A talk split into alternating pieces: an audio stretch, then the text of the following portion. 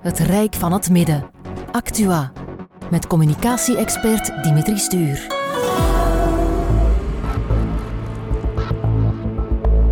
In de Chinese miljoenenstad Shanghai is een uiterst strenge lockdown van kracht. Er zijn dagelijks meer besmettingen in Shanghai dan in heel China. China's largest city remains under a strict COVID lockdown tonight, affecting more than 26 million residents, with most being forced to remain indoors. Corona-Lockdown brutal. Die Corona-Diktatur, das spielt sich gerade in Shanghai ab. Two weeks into a COVID lockdown in China's biggest city, the State Department has told all non emergency counselor staff to leave Shanghai. It's the biggest urban COVID lockdown in the world. De overgrote meerderheid van de inwoners mag hun woning nog altijd niet verlaten. De meeste winkels zijn ook gesloten.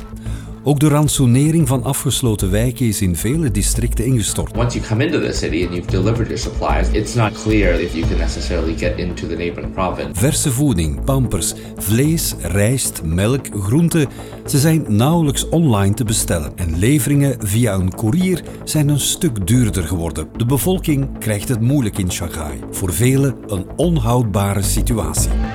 你都不觉得这个状态 En dan is er nog de zorgvoorziening zelf, die ondermaats is. Onlangs lazen we nog dat kinderen zelfs van hun ouders worden gescheiden.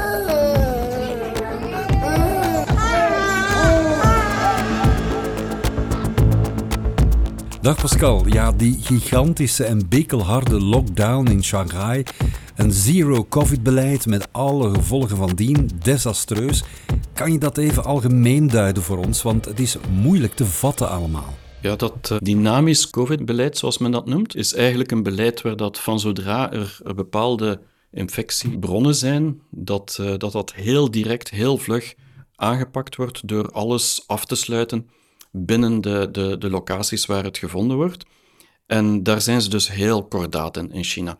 En twee jaar lang heeft dat eigenlijk zijn nut bewezen in de zin dat twee jaar lang dat altijd heel lokaal was. Dus van zodra dat er in één stad iets gebeurde, werd direct die stad afgesloten, direct zo, vlug mogelijk iedereen getest en van zodra dat er iemand positief was, direct uh, in een quarantainecenter gezet of naar het ziekenhuis als ze ziek waren. Er werd heel hard gedaan. Het probleem nu zit dat dat eigenlijk uh, in Shanghai nog nooit het geval is geweest in twee jaar tijd.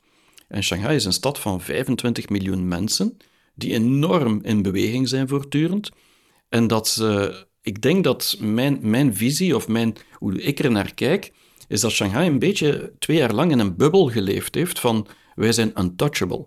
En uh, ze hebben er niet, niet, genoeg op voorzien om eigenlijk een plotse uitbraak uh, tegen te gaan. En dat is nu de problematiek die zich stelt waardoor dat er inderdaad schrijnende situaties uh, aan de gang zijn op dit moment. Je, je spreekt over een, een, een plotse uh, uitbraak, maar de uitbraak in getallen is toch eigenlijk nog niet iets waar je dan dit soort extreme lockdown met alle maatregelen, alle gevolgen, alle, alle acties kunt mee verantwoorden, denk ik. Ja, verantwoorden is natuurlijk uh, objectief of subjectief, dat hangt af van hoe dat je ernaar kijkt. Want ehm, hadden wij dit gedaan, stel nu, dan hadden wij misschien ook twee jaar lang eigenlijk kunnen, uh, kunnen leven zonder eigenlijk uh, doden, als ik het zo kan zeggen, en zonder te veel ziekenhuisopnames. En dus dat is een keuze die China maakt, om van zodra dat er uh, een aantal infecties zijn, om direct alles toe te smijten. Dus zij smijten de rem toe. Wij zijn altijd een versnellingsje lager, een versnelling sneller gegaan. En dan heb je natuurlijk gaten in die kaas die er blijven, of mazen in het net, en dan, dan, ja, dan krijgt dat virus vrij spel. En dus de vraag is, ja, kun je COVID-0 behouden? Veel mensen, zelf Mark van Ransten in België zegt van ja, dat is niet haalbaar. Wel, China tot voor twee weken geleden heeft bewezen dat het wel haalbaar is. En dus de vraag stelt zich, is dat nog steeds haalbaar met het Omicron-variant, die toch veel uh, agressiever is en, en, en veel moeilijker te stillen? Ik denk dat op dit moment uh, die vraag iedereen zich stelt in Shanghai. Toch krijg je dat moeilijk uitgelegd, Pascal, denk ik, aan onze westerse wereld. Dat men zo ver gaat dat men kinderen zelfs gaat scheiden van hun ouders. Dat er uh, volwassenen zijn. We zagen deze week nog de beelden in het journaal. Schrijnende toestanden van besmette personen die geïsoleerd worden. Het is toch wel een beetje ja, over, over the edge, een beetje overdreven. Hè? Ja, overdreven is het zeker in de zin dat. Um, het, het, het eigenlijk uh, situ tot situaties heeft geleid die niet meer uh, aanvaardbaar zijn, ook door de Chinese bevolking het niet meer aanvaardbaar vindt. Dus het is niet zo dat, uh, dat het een opinie is van, van, van mij of van om De Chinezen die in Shanghai leven vinden dit ook niet oké. Maar we moeten voorzichtig zijn om die beelden die we zien niet als de norm te zien. Ik heb vandaag nog met een, een heel goede vriend, Chinese vriend, gebeld in Shanghai zit al drie weken in zijn appartement, is ondertussen ook volunteer geworden. En die zegt ook van, ja, uh, ze hebben die beelden ook gezien en zij weten daarvan. Maar zegt hij, ja, de, ziekenhuizen in zijn district zijn absoluut niet zo. Dus het hangt echt af van district tot district en dus van omgeving tot omgeving. Maar ja, uh, als het zo is, dan, dan is dit niet aanvaardbaar. En dat is een probleem die wij ook een beetje gekend hebben in het begin in Italië, Noord-Italië, dat plots alles uit zijn voegen springt en dat je het niet meer aan kan. En ik denk dat Shanghai in die situatie zit dat ze het niet meer aan kunnen. En wat je gezien hebt een week geleden, het is nu vijf dagen geleden denk ik, is dat Beijing ook is uh, bijgesprongen om, om te gaan helpen, omdat Shanghai het niet meer onder controle kon houden zonder die situaties. En, en dat zijn de beelden die wij zien, uiteraard. Maar de norm is het niet per se. Maar het doet er niet toe. Zelf al zijn er maar drie of vier van die plaatsen dat het zo is. Dat, dat zijn schrijnende situaties. Ja, wat het imago betreft van China in de rest van de wereld, ja, niet bepaald een fraai voorbeeld, denk ik. Nee, daar, men, als, als je het hebt over de, de, de cultuur van China, die toch uh, een cultuur is van gezichtsverlies, dan denk ik dat ze de, deze weken met een serieus gezichtsverliesprobleem zitten. Uh, zeker de Shanghai-overheid. Uh, de Beijing-overheid blijft voorlopig buiten schot. Maar uh, de lokale overheid zit zeker met een, een, een, probleem daar. En dat is iets dat, uh, dat veel mensen nog op hun vingers getikt gaan worden. Maar ondertussen, wat je wel ziet gebeuren, als er dan toch iets positiefs is daaruit, uh, dat we kunnen concluderen, is dat heel veel andere steden in China daar lessen uit getrokken hebben en proberen uh, dat nu beter aan te pakken, mocht het hen overkomen. Dus natuurlijk, eh, het is geen oplossing voor wat er in Shanghai gebeurt. Ja, nu, Shanghai, zeg je, heeft twee jaar eigenlijk de storm doorstaan. Uh, was het door lockdowns dan, of, of toeval dat men daar geen besmetting had? Well, ik denk dat het uh, ja, vooral, vooral toeval is. Dat, dat het heel, helemaal... Allez, het is een, bijna heel veel steden in China zijn in lockdown gezet, of semi-lockdown. En, um, en Shanghai is daar ja, vrij, uh, vrij van gebleven. Waarschijnlijk het toeval, want ik heb geen andere verklaring. Want toch wel merkwaardig, hè, als het een toeval is dan. Shanghai is de economische hoofdstad van China. Ja, een beetje vreemd, maar kun je stellen met zo'n draconische lockdown nu, uh, moet dat toch ook impact hebben op de algemene Chinese economie? Ja, het is een enorme impact. Hè. En um, dus ook naar, naar, naar import toe, naar export toe, naar... Uh, ja, ook naar buitenlandse bedrijven die in China zitten. Het is heel veel bedrijven, ik, ik, denk een derde van alle bedrijven die in China zitten, zitten in Shanghai met een hoofdkwartier. En dus die zijn nu allemaal aan het overwegen, ja, heeft het nog zin om hier te blijven? Zouden we niet beter naar Singapore trekken of naar andere plaatsen? Dus je voelt een enorme verschuiving, uh, een enorme economische impact. Dus ja, dat gaat een, een gigantische impact hebben. Maar Xi Jinping heeft gisteren nog gezegd dat, um, ja, dat dat een beslissing is die, die enorm pijn gaat doen. Um, maar dat op lange termijn dat dat de economie ten goede gaat doen als ze die dynamische COVID-0 kunnen behouden. En dus dit is een korte pijn opnieuw die ze moeten doorstaan. En, en vele Chinezen die gaan daarin mee, omdat ze zoiets hebben van ja, wij zijn wel twee jaar gespaard gebleven, dus eventjes drie weken op ons bijten is oké. Het probleem is natuurlijk binnen families en binnen compounds heb je bepaalde uh, plaatsen waar het echt niet oké is. En waar mensen, ja, omdat er één persoon positief test, het hele gebouw eigenlijk twee weken niet meer buiten kan. En dan, ja, twee weken later test er iemand anders positief en dan zit je weer twee weken vast. En als je dan niet aan groenten of fruit of, of, of vlees kan, ja, dan, dat zijn dan de problemen die, dan mag je nog zo zeggen van ja, het is eventjes doorbijten. Het is zeker voor buitenlanders in China is het meer dan doorbijten. Dit is bijna een oorlogssituatie voor hen. Blijkbaar, Pascal, moeten heel veel mensen ja, bijna uren zoeken om aan voedsel te geraken, om online een bestelling te kunnen plaatsen. Het grootste probleem is op dit moment in, in die hele lockdowns, is, is, uh, is vooral dat, dat bijna elke Shanghainees of mens, persoon die in Shanghai woont, de helft van zijn dag of, of uren bezig is om, om die bestellingen te krijgen.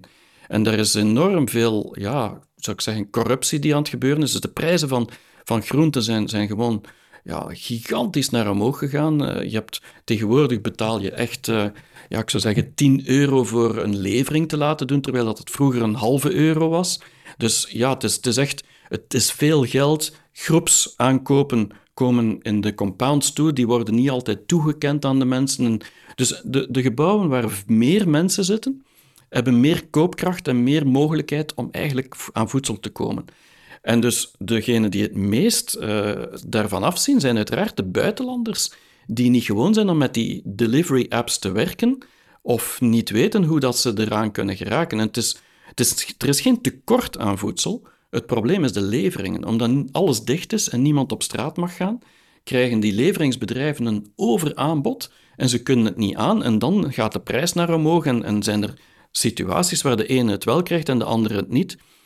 En dan de enige waar je kunt op terugvallen zijn de giften van de, van de overheid, die gelukkiger zijn, maar ja, dan zit je niet altijd met het eten die je, die je graag wilt eten. En, dan, en, en of het voldoende is, is ook niet altijd eh, een, een garantie. Dus er zijn enorme problemen met de, de toelevering van, van voedsel. Ik denk dat dat het is, hetgene is die het meest doorweegt op dit moment, samen met het tweede aspect dat mensen nog altijd eh, eigenlijk niet weten hoe lang het gaat duren. En dus als je geen einddatum hebt, dan blijft het moeilijk. Is economie belangrijker voor eh, Xi Jinping dan het eh, welzijn van zijn burgers? Nee, net het tegenovergestelde. En het is net daarom, en dat klinkt misschien paradoxaal, maar het is daarom dat hij zegt wij houden die COVID-zero-policy aan. Dat is ook het verhaal van Beijing.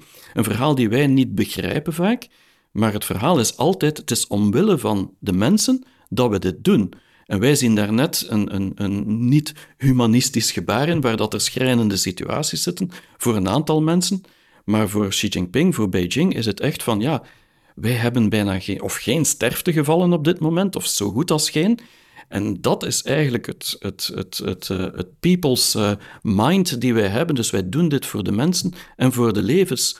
En, en dat is het verhaal die zij brengen. Dus, dus economie staat als tweede punt. En, en wij keren dat om natuurlijk, omdat wij die situaties als, als niet humaan beschouwen, uiteraard. Over economie nog even gesproken. De impact is duidelijk, hè, die is groot. Uh, betekent dat ook dat het beoogde doel van 5% groei dit jaar wel eens op de helling komt te staan? Een streep door de rekening van Xi Jinping? Wel, 5,5% is uh, de doelstelling uh, voor 2022. En er zijn al economen die geraamd hebben dat door deze lockdown in Shanghai, als die aanblijft dat um, aanblijft, dat bedoel ik een aantal weken nog, dat uh, dat, dat tot ja, een halve procent tot 0,7 eh, procent verschil kan maken op jaarbasis.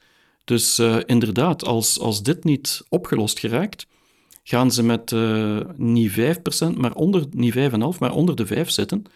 En dat kan maar op één manier opgelost worden. Dat is ofwel dat beleid veranderen, uh, ofwel van COVID dan. Maar dat vrees ik dat dat niet gaat gebeuren in de volgende zes maanden. En dus wat gaan ze waarschijnlijk doen, is terug massaal investeren in infrastructuur en dus eigenlijk ja, die groei een stukje artificieel erin pompen. Uh, voor een halve procent hoger te gaan. Wat knoeien met de boekhouding? Nee. Dat niet uh, per se, maar het is, het is niet een kwestie van knoeien. Het is een kwestie van, van ja, dat, dat doen wij in, in het Westen ook. Als wij plots enorm veel gaan investeren, dan gaat de groei van het land ook naar omhoog, maar achteraf betaal je de rekening natuurlijk. Een beetje vreemd genoeg, door al die draconische maatregelen, blijkt men eigenlijk die besmetting niet tegen te kunnen gaan. Integendeel, er komen alsmaar meer besmettingen. Dus het, er wringt toch iets daar. Inderdaad, de laatste dagen in Shanghai zijn er elke dag uh, meer besmettingen. Ik denk dat we nu aan 25.000 zitten van gisteren. Um, en we komen van ja, 10.000 of minder een week geleden, dus het is aan het stijgen. Maar als je kijkt binnen de districten, dan zie je dat bepaalde districten, zoals Pudong, dat financieel centrum van Shanghai, uh, bijna die is negatief aan het gaan. Dus die is volledig naar nul gegaan. Terwijl andere districten nog in, in stijgende lijn zijn. Dus ja, als je puur naar die grafieken kijkt per district, dan zie je wel dat een aantal districten eigenlijk een piek al bereikt hebben en aan het zakken zijn. Terwijl andere nog aan het stijgen zijn. Dus in totaliteit ja. Dus ik denk dat uh, Xi Jinping en, en dat Beijing eigenlijk puur er nog altijd van overtuigd is dat binnen een week die piek uh, naar beneden gaat en dat het terug naar nul gaat. Dat hoopt iedereen. Dankjewel Pascal voor je duiding. Dank u Dimitri. We gaan eens even ter plekke horen nu op zo'n 9000 kilometer van hier naar Shanghai. It's the biggest urban COVID lockdown in the world. Het Rijk van het Midden. Actua. Ik praat met Rudy Swinnen. Hij is senior coach en businesspsycholoog met zijn eigen succesvolle consultancybedrijf Wise Wings in Shanghai. Hij woont en werkt er samen met zijn Chinese partner al zo'n 15 jaar. Dag Rudy, hoeveel dagen zit jij nu al in lockdown? Wel, Dimitri, eigenlijk is het allemaal begonnen in maart. In maart kwamen er meer gevallen en meer positieve. Dus dan hebben ze beginnen, of laten we zeggen mid maart, gebouwen beginnen sluiten, wooncomplexen sluiten. Dus zo was ik zelf uh, ook eind maart, de laatste week van maart, twee keer in lockdown. Twee, drie dagen, twee, drie dagen terug vrij.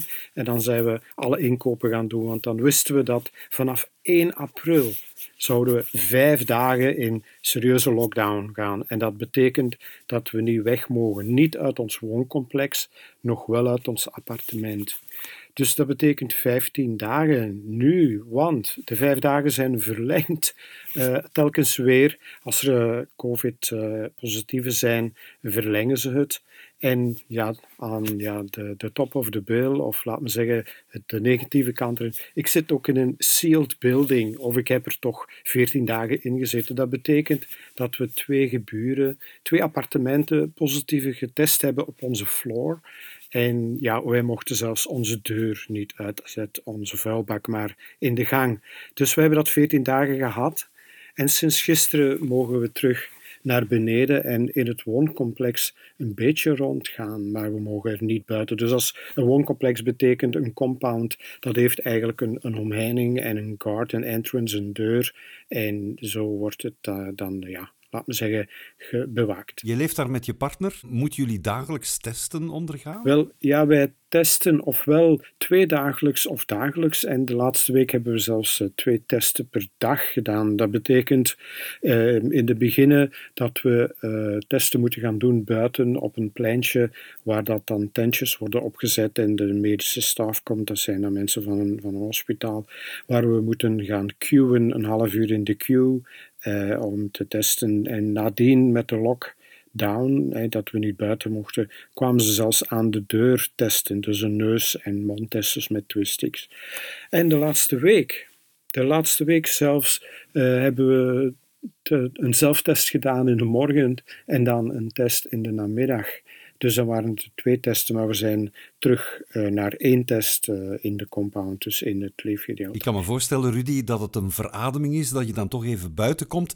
Tegelijkertijd misschien ook een, een moment om te ventileren met, met de buurtbewoners. Tijdens die wachtrij hoor je heel veel klaagzang zeg maar, over die hele lockdown, of wordt daar eigenlijk weinig over gepraat onder de buren? Ja, er, er zijn, als we naar, naar het gelijkvloers gaan, wel wat mensen die ergens staan te praten, maar dat wordt afgeraden natuurlijk. Hè. We zitten in een lockdown en dan ga je een onderrondje houden, wel voor je beklag misschien te doen of wat te, te, ventileren. Wij doen dat niet. Uh, wij, wij gaan buiten en wij komen direct uh, binnen.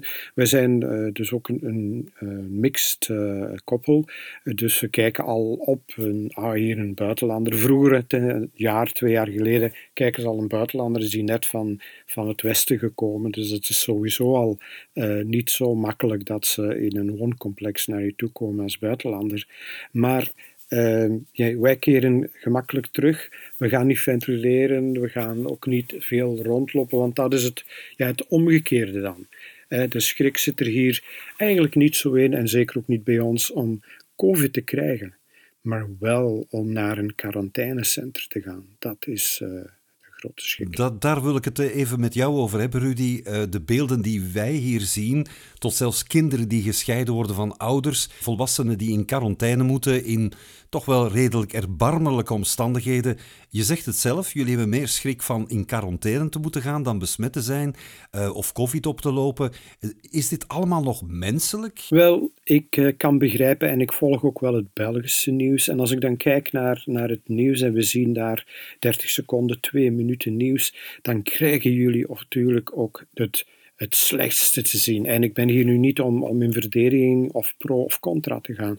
Nu, het is erg, het is onmenselijk. Ah als je positief bent, even als symptomen, dus geen symptomen, niet ziek zijn, moet je eigenlijk naar een centrum gaan. Dat is een, een, een heftige situatie. En natuurlijk, als er negatieve dingen gebeuren en de, de kinderen, en dat is natuurlijk een feit, dat kinderen ook werden gesepareerd, dus uh, apart genomen van ouders en vooral in de Chinese gezinnen heel snel zijn, uh, ook wel door toedoen van de druk van de, de buitenlanders hier, de, de overheden en de, de netwerken, uh, zoals de, de Benelux-Chamber, opgestapt en zeggen van we moeten naar de overheid dat de kinderen van de buitenlanders niet mogen gesepareerd worden. Maar die regel is dan eigenlijk ook niet alleen toe te passen op onze gezinnen. Het is ook voor de Chinezen. Nu, het lijkt dat dat al minder is. Ik zal zeker niet zeggen dat dat niet meer gebeurt of dat de kinderen die apart zitten daar uh, niet tijdelijk of uh, lange duur apart zijn. Zo, dat is zeker onmenselijk. Toch graag, als ik iets in, in perspectief, en ik zeg, ik, ik ben niet pro of contra, want ik ben hier 15 jaar en ik denk ook wel eens na, wat is dit nu, wat brengt dat? We zitten hier met 26 miljoen mensen op een lap grond, een derde van België. Dus dat betekent dat in België zo 75 miljoen mensen zijn. Dus kijk om je heen. Je bent met 11 ehm, miljoen. Als je nu twee mensen thuis hebt, dan heb je er 12. Je moet het maal 6 doen. 6 maal 7. Als je met drie mensen thuis bent, dan zou je met 21 zijn. Dus je kan wel begrijpen dat dat een, een helse opdracht is als je dan natuurlijk zegt, we houden zero tolerance. Dat is uh, niet zo makkelijk. Dus in perspectief te brengen, uh, niet makkelijk. Natuurlijk, de menselijkheid moet daar blijven en die is uh, al, al, een paar keren niet gehandhaafd. En daar zijn we tegen opgekomen en hopelijk wordt het beter. Nu, toch heb ik de indruk dat de regering daar in Shanghai, eh, dat die eigenlijk de situatie niet bepaald echt onder controle heeft. Terwijl we twee jaar later zijn en er intussen in China al heel veel lockdowns zijn gepasseerd. Men heeft niet veel geleerd dan om dit nu toch een beetje beter aan te kunnen en in te vullen. Ja, het is uh, van dat perspectief zou je kunnen zeggen, uh, er is niet geleerd en, en hoe kan, kan dat nu zo gebeuren? Ik denk dat we het moeten bekijken vanuit een ander perspectief. Waarom zero tolerance? Ja? Het is een, een feit en het is nog altijd twee jaar en dat is een politieke beslissing. Ze willen gewoon geen COVID, geen gevallen. En dat is natuurlijk ook met de besmettingsgraad of de, de snelheid van besmetting met de Omicron uh, heel moeilijk te handhaven. Shanghai heeft het heel lang kunnen handhaven, maar dan, ja, hoe komt het dat het hier dan toch ook uit de spuigaat is gelopen. Twee zaken die daar belangrijk in zijn. Eén, Shanghai heeft, uh, wanneer er COVID-gevallen uh, waren, uh, heel lokaal, dat bedoel, ik mee, één wooncomplex, één shoppingbuilding gaan dichtdoen, sluiten en de stad toch nog open gehouden. Waar dat andere steden in China misschien direct de stad hebben aangepakt, omdat die ook veel minder groot zijn. En een tweede zaak is Shanghai is de metropool van, van China en van Azië. Dus iedereen die naar China vloog, zelfs naar Xi'an, Guangzhou, naar Hangzhou, die komen misschien een grote aantallen toch nog naar Shanghai. Dus de uitgestelde gevallen uh, met COVID die, die later uh, pop-uppen, is een groot gedeelte dat naar die hoofdsteden geraakt en komen. En dat is ook, denk ik, een tweede reden waarom uh, dat er veel gevallen zijn in China. En ja, misschien een, een onaangepaste uh, uh, politieke beslissing van de zero tolerance met een heel vluchtig variant van COVID, die misschien meer besmettelijk is dan, dan, dan dodelijk. Hoe beleef jij dat zelf nu, Rudy? Dat is nu al bijna een maand in die lockdown. Een vrij schrijnende situatie rondom. Per district natuurlijk nog altijd verschillend.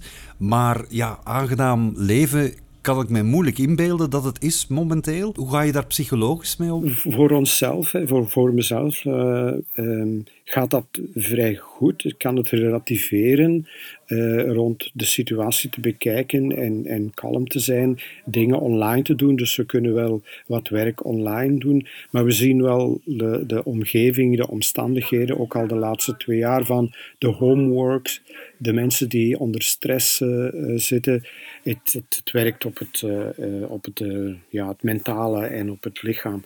Dus Ehm, er zijn zeker en vast uh, gebieden of uh, locaties waar het wat uit de hand loopt, waar mensen schreeuwen uit gebouwen, uh, geroepen en tieren. Was dat in jouw district ook, dat schreeuwprotest dat we hier op televisie hebben gezien? Wel, wij zijn in een, in een district waar over het algemeen niet de hoogste aantallen gevallen waren maar, van de COVID.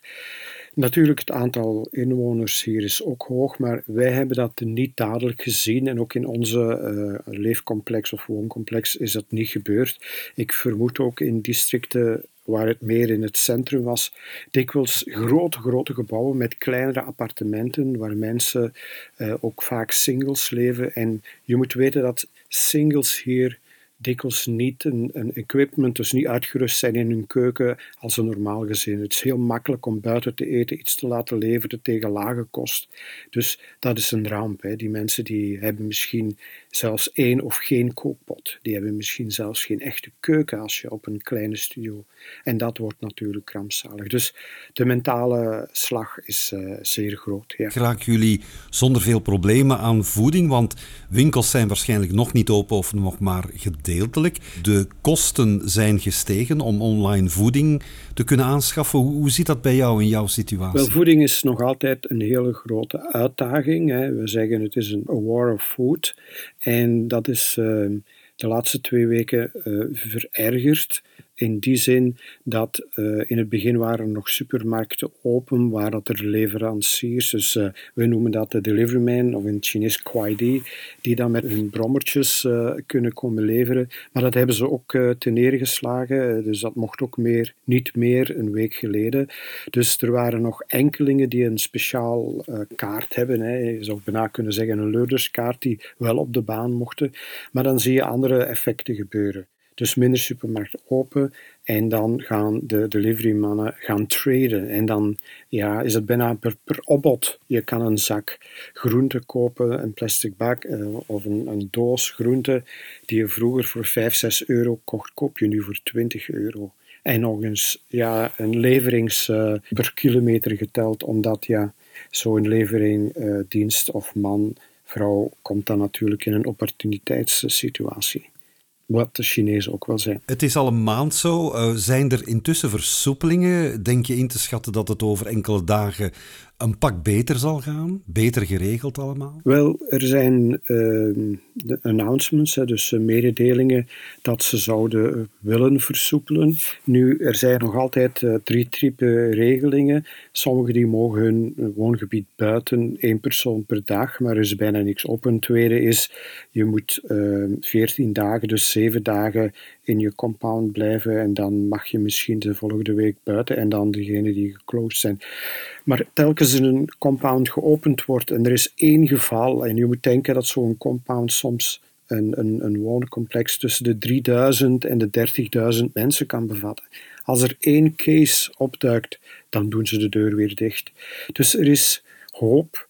Maar als er een geval is, dan sluiten ze weer. En zo gaat dat uh, woongebied bij woongebied. En zo zijn er duizenden, hè, misschien wel 10, 15.000. Uh, dus we, zien dat ze zouden willen, maar met de strikte regel uh, wordt het bijna onmogelijk. Dus wij hebben zelf op dit moment een 7 plus 7 regeling. Dat betekent dat wij vanaf 15 april, dat wij hier nu zijn, 14, 15 april, op 28, 29 april zitten. En dat is natuurlijk geen goed vooruitzicht. Het is toch een beetje onbegrijpelijk, die extreme focus in China op dat zero-covid-beleid. Ondanks dat ja, blijven de besmettingen toch wel verder oplopen. Ja, ik, uh, ik volg ook wel het de, de nummer en de aantallen Uh, dus de laatste twee weken zijn ze opgelopen rond uh, midden de 20, 25.000, 60.000. Dat is inclusief symptomen en asymptomen.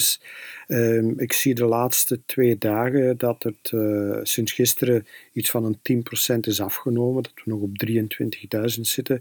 Nu, het is moeilijk heel accuraat te zien als waarneming, als, als persoon hier, want als ze 1, 2 dagen 25 miljoen testen doen, Um, wat is dan het effect van het resultaat de dag nadien? Dus ik denk dat we meer over een periode van een week gaan moeten kijken dan net dag bij dag.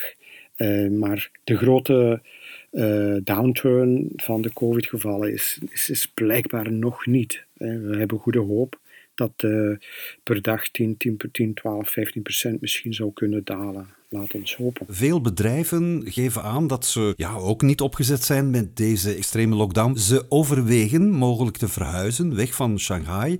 Uh, denk jij daar ook aan? Trouw is te veel met deze lockdown nu? Ik denk uh, bedrijven die in Shanghai zitten, uh, gaan die weg van Shanghai gaan. Ik denk het niet, omdat andere steden hebben in de laatste twee jaar ook al de lockdowns gehad. In Xi'an, waar de Xi'an de soldiers, de warriors zijn, is ook twee maanden uh, lockdown geweest. Dus het, ik denk in China blijven en buiten Shanghai gaan zal niet veel effect hebben voor een bedrijf en misschien ook nog wel veel meer neveneffecten hebben dan, dan de positieve. Misschien buiten, buiten China dan. En er zijn al bedrijven die het gedaan hebben de laatste twee jaar, misschien vijf jaar, door de kosten. Um, maar in Azië, als we dan van China naar buiten uh, China kijken, is het Azië. En waar gaan ze naartoe? Vietnam, uh, misschien Maleisië. Waar we dan toch zien dat de kosten misschien lager zijn, maar de organisatie van het land is niet zo goed. Logistiek is niet goed. Wegennet is niet zo goed. Dus er is altijd niet zoveel optie. Wat wel gebeurt, en dat gaat dan naar individuele. We hebben gezien dat de laatste twee jaar al heel veel exit van buitenlanders zijn geweest. En dit zet zich nu door. Er zijn heel wat buitenlanders, individuele uh, personen of gezinnen, die nu misschien finaal willen terugkeren. Die zeggen, ja, we hebben hier twee jaar uh, in, in ook in restricties gezeten, nu dan deze regel, dan die regel. Uh, dat het uh, ja, voldoende is voor hun. Maar ja, is het dan China-moeheid of COVID-moeheid? Dat kunnen we nog uh, de vraag stellen. Hoe dan ook, Rudy, het blijven natuurlijk wel beklijvende beelden die we bijna dagelijks in het journaal te zien krijgen. Hè? Ja, Dimitri, dat is zeker, zeker zo. En ik, ik beaam dat. Hè. De, de slechte dingen die gezien worden en die gebeuren, zijn natuurlijk ja, niet altijd menselijk en zouden misschien beter niet gebeuren. Het is zwaar. En dat is ook niet het, het andere beeld dat het, uh, dat het nog, stil, nog altijd oké is. Uh, ik denk dat we, ja, als ik zeg, het in perspectief zien. Ehm, we zien de negatieve dingen, we zien al wat er niet goed gaat en het is heel erg voor, voor de mensen en dat zou niet mogen gebeuren. En in die zin, ehm, als we kijken naar de hele stad, 26 miljoen mensen. Als we na een maand zouden kunnen vooruitgaan, denk ik dat dit ook wel uh, overgaat. Het zal zeker wel een beschadiging gebracht hebben voor, voor mens en ook voor economie. En in die zin denk ik en hoop ik dat er ook een goede les geleerd wordt vanuit de overheid, eh, Chinese overheid, maar ook wel eh, misschien ja, Belgische of, of eh, wereldniveau. Dus het is schrijnend, hè? laat me duidelijk zijn. Het zou beter niet gebeuren. Is het beter COVID los te laten en dan maar te kopen met de gevolgen uh, van, van ja, het dodenaantal misschien van mensen die er niet meer doorkomen. Ik laat dat in het midden.